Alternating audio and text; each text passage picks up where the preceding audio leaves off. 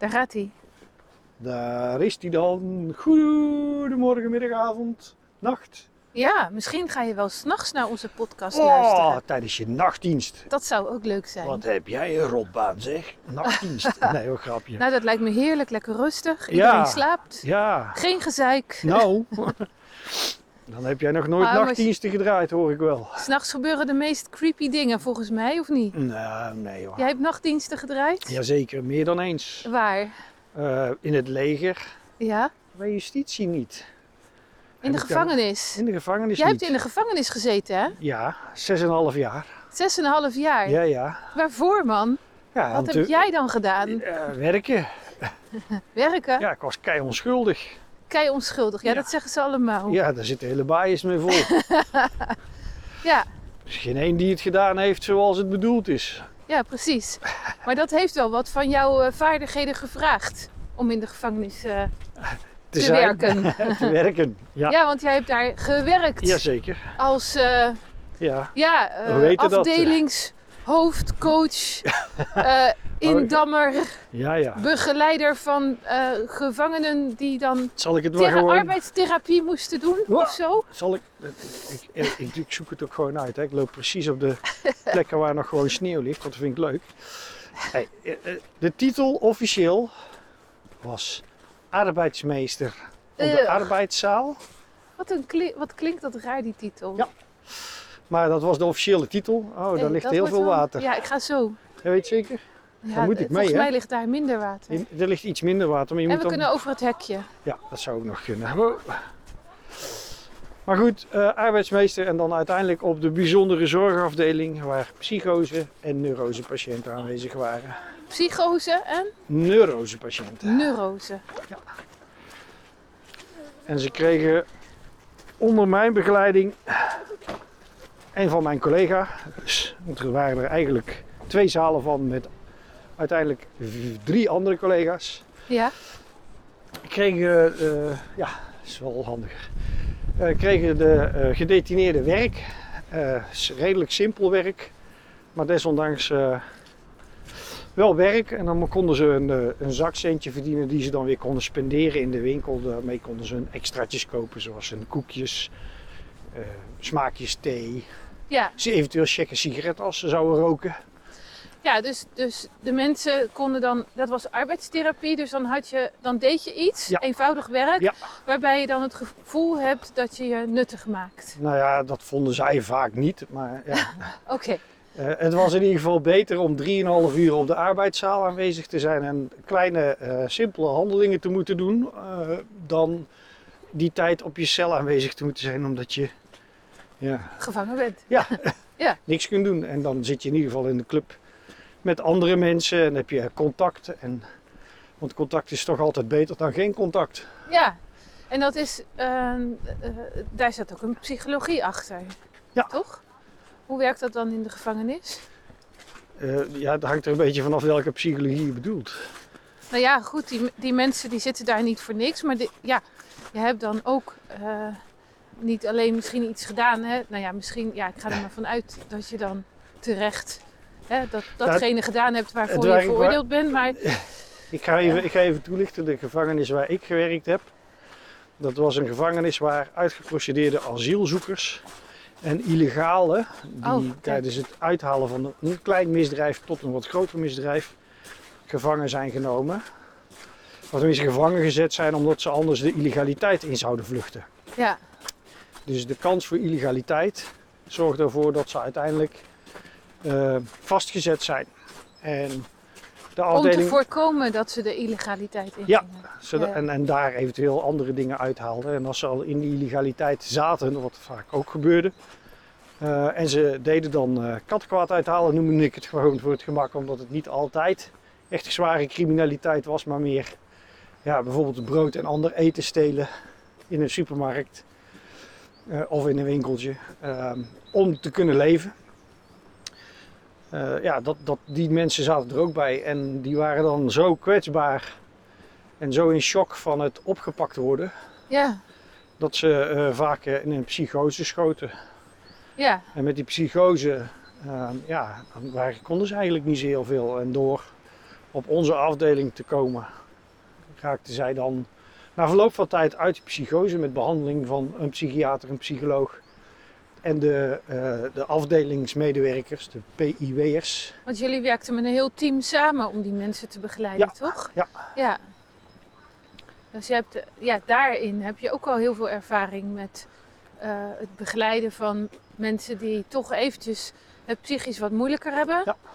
Eh, en, en ja, daarin werkt hij dan samen met een aantal andere professionals. Nou ja, gewoon om ook te voorkomen dat er eh, mensen tussen zouden zitten die eh, eh, zeg maar speelden dat ze ergens last van hadden.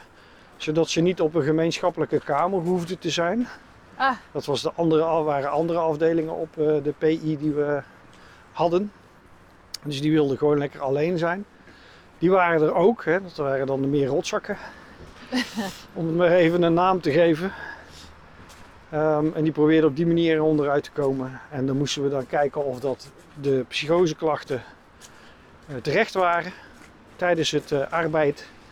Want eh, ja, een half uurtje tot een uurtje tijdens een activiteitje de mensen en de omgeving voor de gek houden, die, dat was relatief makkelijk. ja. Maar als je dat 3,5 tot 4 uur aan een stuk moet doen, dan wordt het al lastiger en dan val je wat vaker door de mand. Ehm, en je merkte het ook aan de manier hoe dat ze met anderen omgingen, maar ook met ons omgingen. Ja, jullie kregen daar speciale trainingen voor, toch? Daar hebben wij ooit wel wat eh, training en begeleiding eh, voor gehad. Ja, ging observeren ook van Ja. hoe mensen zich gedragen. En om dan eh, bepaalde dingen te kunnen herkennen van bepaalde gedragingen op de juiste manier te kunnen interpreteren. Ja. Zodat eh, eigenlijk iedereen, eh, ja, de, ja, ja, mag ik zeggen, de beste zorg kon krijgen Ja. die, die mogelijk was om te bieden, Nou, je- gezien de situatie. Wat je niet wilde was dus dat iemand die eh, niet in een groepsunit wilde, dus niet in een sociale groepsunit wilde, een kamer voor zich alleen zou krijgen, een cel. Hè, want eerlijk gezegd is het gewoon echt een cel Ja, van een paar vierkante meter. Ehm, dat die een plek in, in beslag zou nemen, langere tijd. eh, terwijl iemand anders die plek niet zou kunnen krijgen die het harder nodig had. Dus ja, op die manier probeerden we dat soort dingen te voorkomen. Dus dat dat niet zomaar gebeurde. Ehm, zodat ook de, inderdaad de juiste mensen die echt de hulp nodig hadden, ook de hulp zouden kunnen krijgen. ja. Maar ja, de cellen moesten natuurlijk wel zo goed mogelijk gevuld zijn. Dus eh, zodat het ook ja, volgens het plaatje gewoon allemaal goed liep. Het moest niet zo zijn dat onze afdeling half vol zou zijn. Met eh, dus de helft aan cellen vol. Omdat dat dan makkelijker was en omdat er niet voldoende mensen psychosebegeleiding no- nodig hadden. Maar ehm, ja, op het moment dat we pieken hadden, er weer grote invallen waren geweest die eh, heel veel illegale op hadden gepakt, dan eh, eh, moest je wel weer voldoende capaciteit hebben. Dus je moest wel ook af en toe wel redelijk snel kunnen schakelen van wie wel en wie, wie, wie niet. Dus het was niet zo dat op het moment dat we merkten dat er een bij zat die dan een beetje de kantjes ervan afliep, dat hij de volgende dag weg was. Maar die werd wel voorbereid ja. op het feit dat hij terug zou gaan naar die afdeling. Ja, en, en eh, dit, werk wat jij hebt gedaan, Ja, dat was toch, eh, vergt toch ook wel van jou een, een eh, mentale, emotionele stabiliteit en helderheid. Ja. D- dus, dus dat werk is niet zomaar voor iedereen weggelegd. Je nee, die, die, dan met die mensen om, eh, ja, om kan gaan om de juiste, ja, binnen de mogelijkheden de juiste zorg te kunnen bieden. ja, nou ja, die- Dat is natuurlijk, ja, ik noem het zorg, want het ja, is het toch... is ook zorg. Ja, Want de het meesten hadden ook gewoon echt hulp, hulp nodig. Die hadden een, een, een, een echt probleem waarmee ze zichzelf niet meer staande konden houden. Dus ja, die, eh, die, die moesten begeleid worden en die moesten geholpen worden om bepaalde dingen weer terug onder controle te krijgen. ja. Normaal gedrag noemen we dat En dan. en lukte het ook wel om mensen dan echt weer zover te begeleiden dat ze ehm, ja, weer het, het, zeg maar het gewone leven in eh, konden gaan? Of Ja. hoe gaat het dan dat iemand ook weer al normaal, ja, normaal hè, de gevangen, ik vind dat toch een lastig onderwerp eerlijk gezegd. Ja. Maar goed, eh, het is hoe het nu is. En dan komt iemand in de gevangenis en dan heb je dan een bepaalde tijd dat je daarin moet zitten. Ja. Ik weet, zo gaat het toch of niet? Ja, Ja, en dan maar hoe gaat het dan met die mensen? Die, ja, zolang ze de zorg nodig hebben.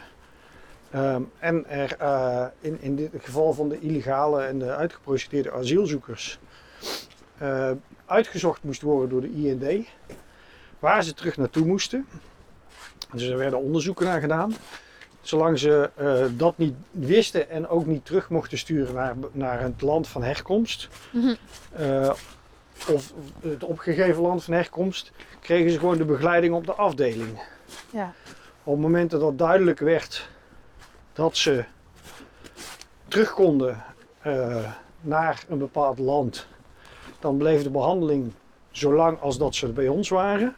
Op het moment dat iemand alsnog eh, een, een, een verlening heeft gekregen om een verblijfsvergunning te krijgen, omdat er een fout was gemaakt in de procedure of omdat men niet kon achterhalen waar iemand vandaan kwam, dan konden ze ook gewoon een verblijfsvergunning krijgen en dan opgenomen worden in een, een, erg, een echt zorgthuis met psychose en neurose patiënten. Dus niet meer zeg maar een gesloten inrichting, maar bijvoorbeeld een gewoon een half open inrichting of een, een gewoon open inrichting. Afhankelijk van waarvoor ze bij ons zaten, om daar dan verder behandeld te worden. Ja. Dus er waren heel veel mogelijkheden en dat ging echt weer af van wie hadden we voor ons. ja, En wat ook wel eens gebeurde, en dat was het totaal tegenovergestelde, is dat we mensen kregen die echt gevaarlijk bleken te zijn voor de maatschappij. Plus toch, eh, ondanks dat ze in eerste instantie zich voordeden als iemand anders, bleken dan uiteindelijk erachter te komen dat het echt zware jongens waren. En dan werden ze uiteindelijk werden ze, eh, dan naar een echte gevangenis gebracht.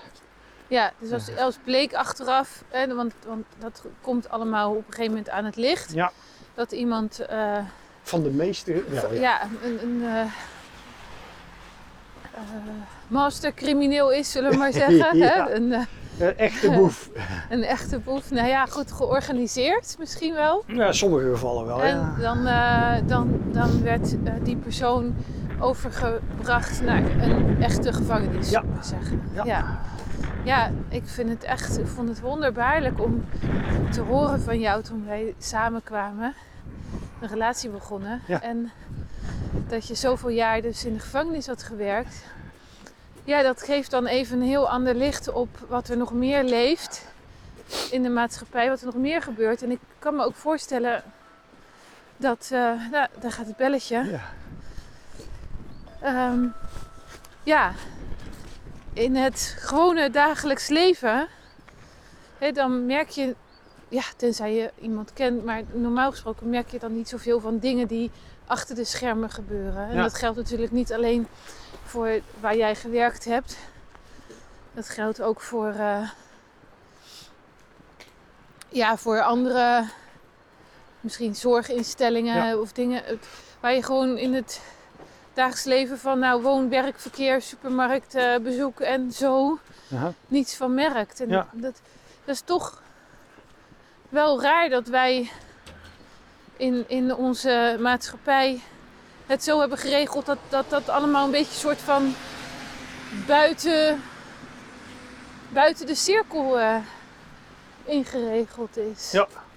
En Dat, dat, dat er, Ja, je wil mensen uit de maatschappij halen, om het maar even zo te zeggen, en eh, afzonderen, omdat ze meer kwaad dan goed doen voor de maatschappij. Ja, maar ja, dat is dus zo- zo'n cultuur. Ja, dat, dat is super interessant, maar we gaan dat afronden voor vandaag. Ja. Alleen dat zo, eh, de cultuur zo is bij ons, maar niet overal op de wereld. Nee.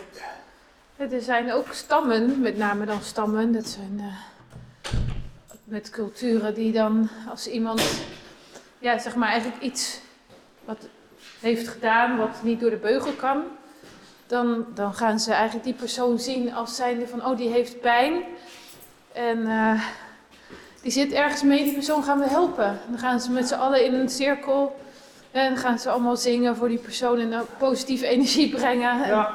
Ja, ik zeg niet dat wij dat nu allemaal moeten doen. maar ik doe maar om aan te geven dat er zo. eh, ja, zoveel.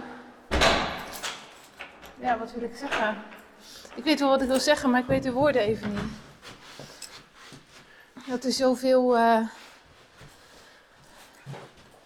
nog andere mogelijkheden zijn, denk ik. Om ehm, nog meer, nog beter een. een eh, Ja. Hoe ga je dat nou ja, uitleggen? ik weet het niet meer. Ik, ik, ik hoop dat mensen, lieve luisteraar, ik hoop dat je me voelt. Ik, ik ga afsluiten met, weet je wel, wat mij de gedachte, de gedachte die mij spoort is, de aarde is van ons allemaal. We zijn allemaal mensen, we zijn allemaal hier op aarde, in de mensenvorm. En, eh, nou ja, de aarde is van ons allemaal. Of eigenlijk zijn wij allemaal van de aarde. Ja, zo zou je het ook kunnen zeggen. Nou ja, dat is een onderwerp voor een andere keer dan. ik vond het hartstikke leuk, lieve schat, Mhm. om eh, jou te horen over je ervaringen in de, eh, ja, in de gevangenis. in de baaiers. ja, en eh, nou, dat is weer een ander stukje van jou. Nu ga je, gaan we eten maken en jij gaat je voorbereiden op een live, sessie vanavond. Want met jouw eigen bedrijf ga je Ja. weer een livestream geven Yes. over muziek en mixen. Ja. En tips over hoe je daar een, de menselijke feel in krijgt. Ja. Toch? Menselijke feel, maar ook de verschillende mogelijkheden en technieken en waarom voor het een kiezen en voor het ander. Hoe kun je, ja, het is echt heel omvattend. Hoe kun je het beste voorbereiden als je muziek wil gaan opnemen? Ehm, en waar moet je dan allemaal op letten? Anders dan je instrument beheersen, per definitie. Nou, daar gaan we het nog eens eh, een andere keer verder over hebben. Maar ik wens jou alvast eh, een hele fijne live sessie straks. Dankjewel. En lieve luisteraar, eh, tot morgen zou ik zeggen. Yes, tot morgen. Doei. Doei.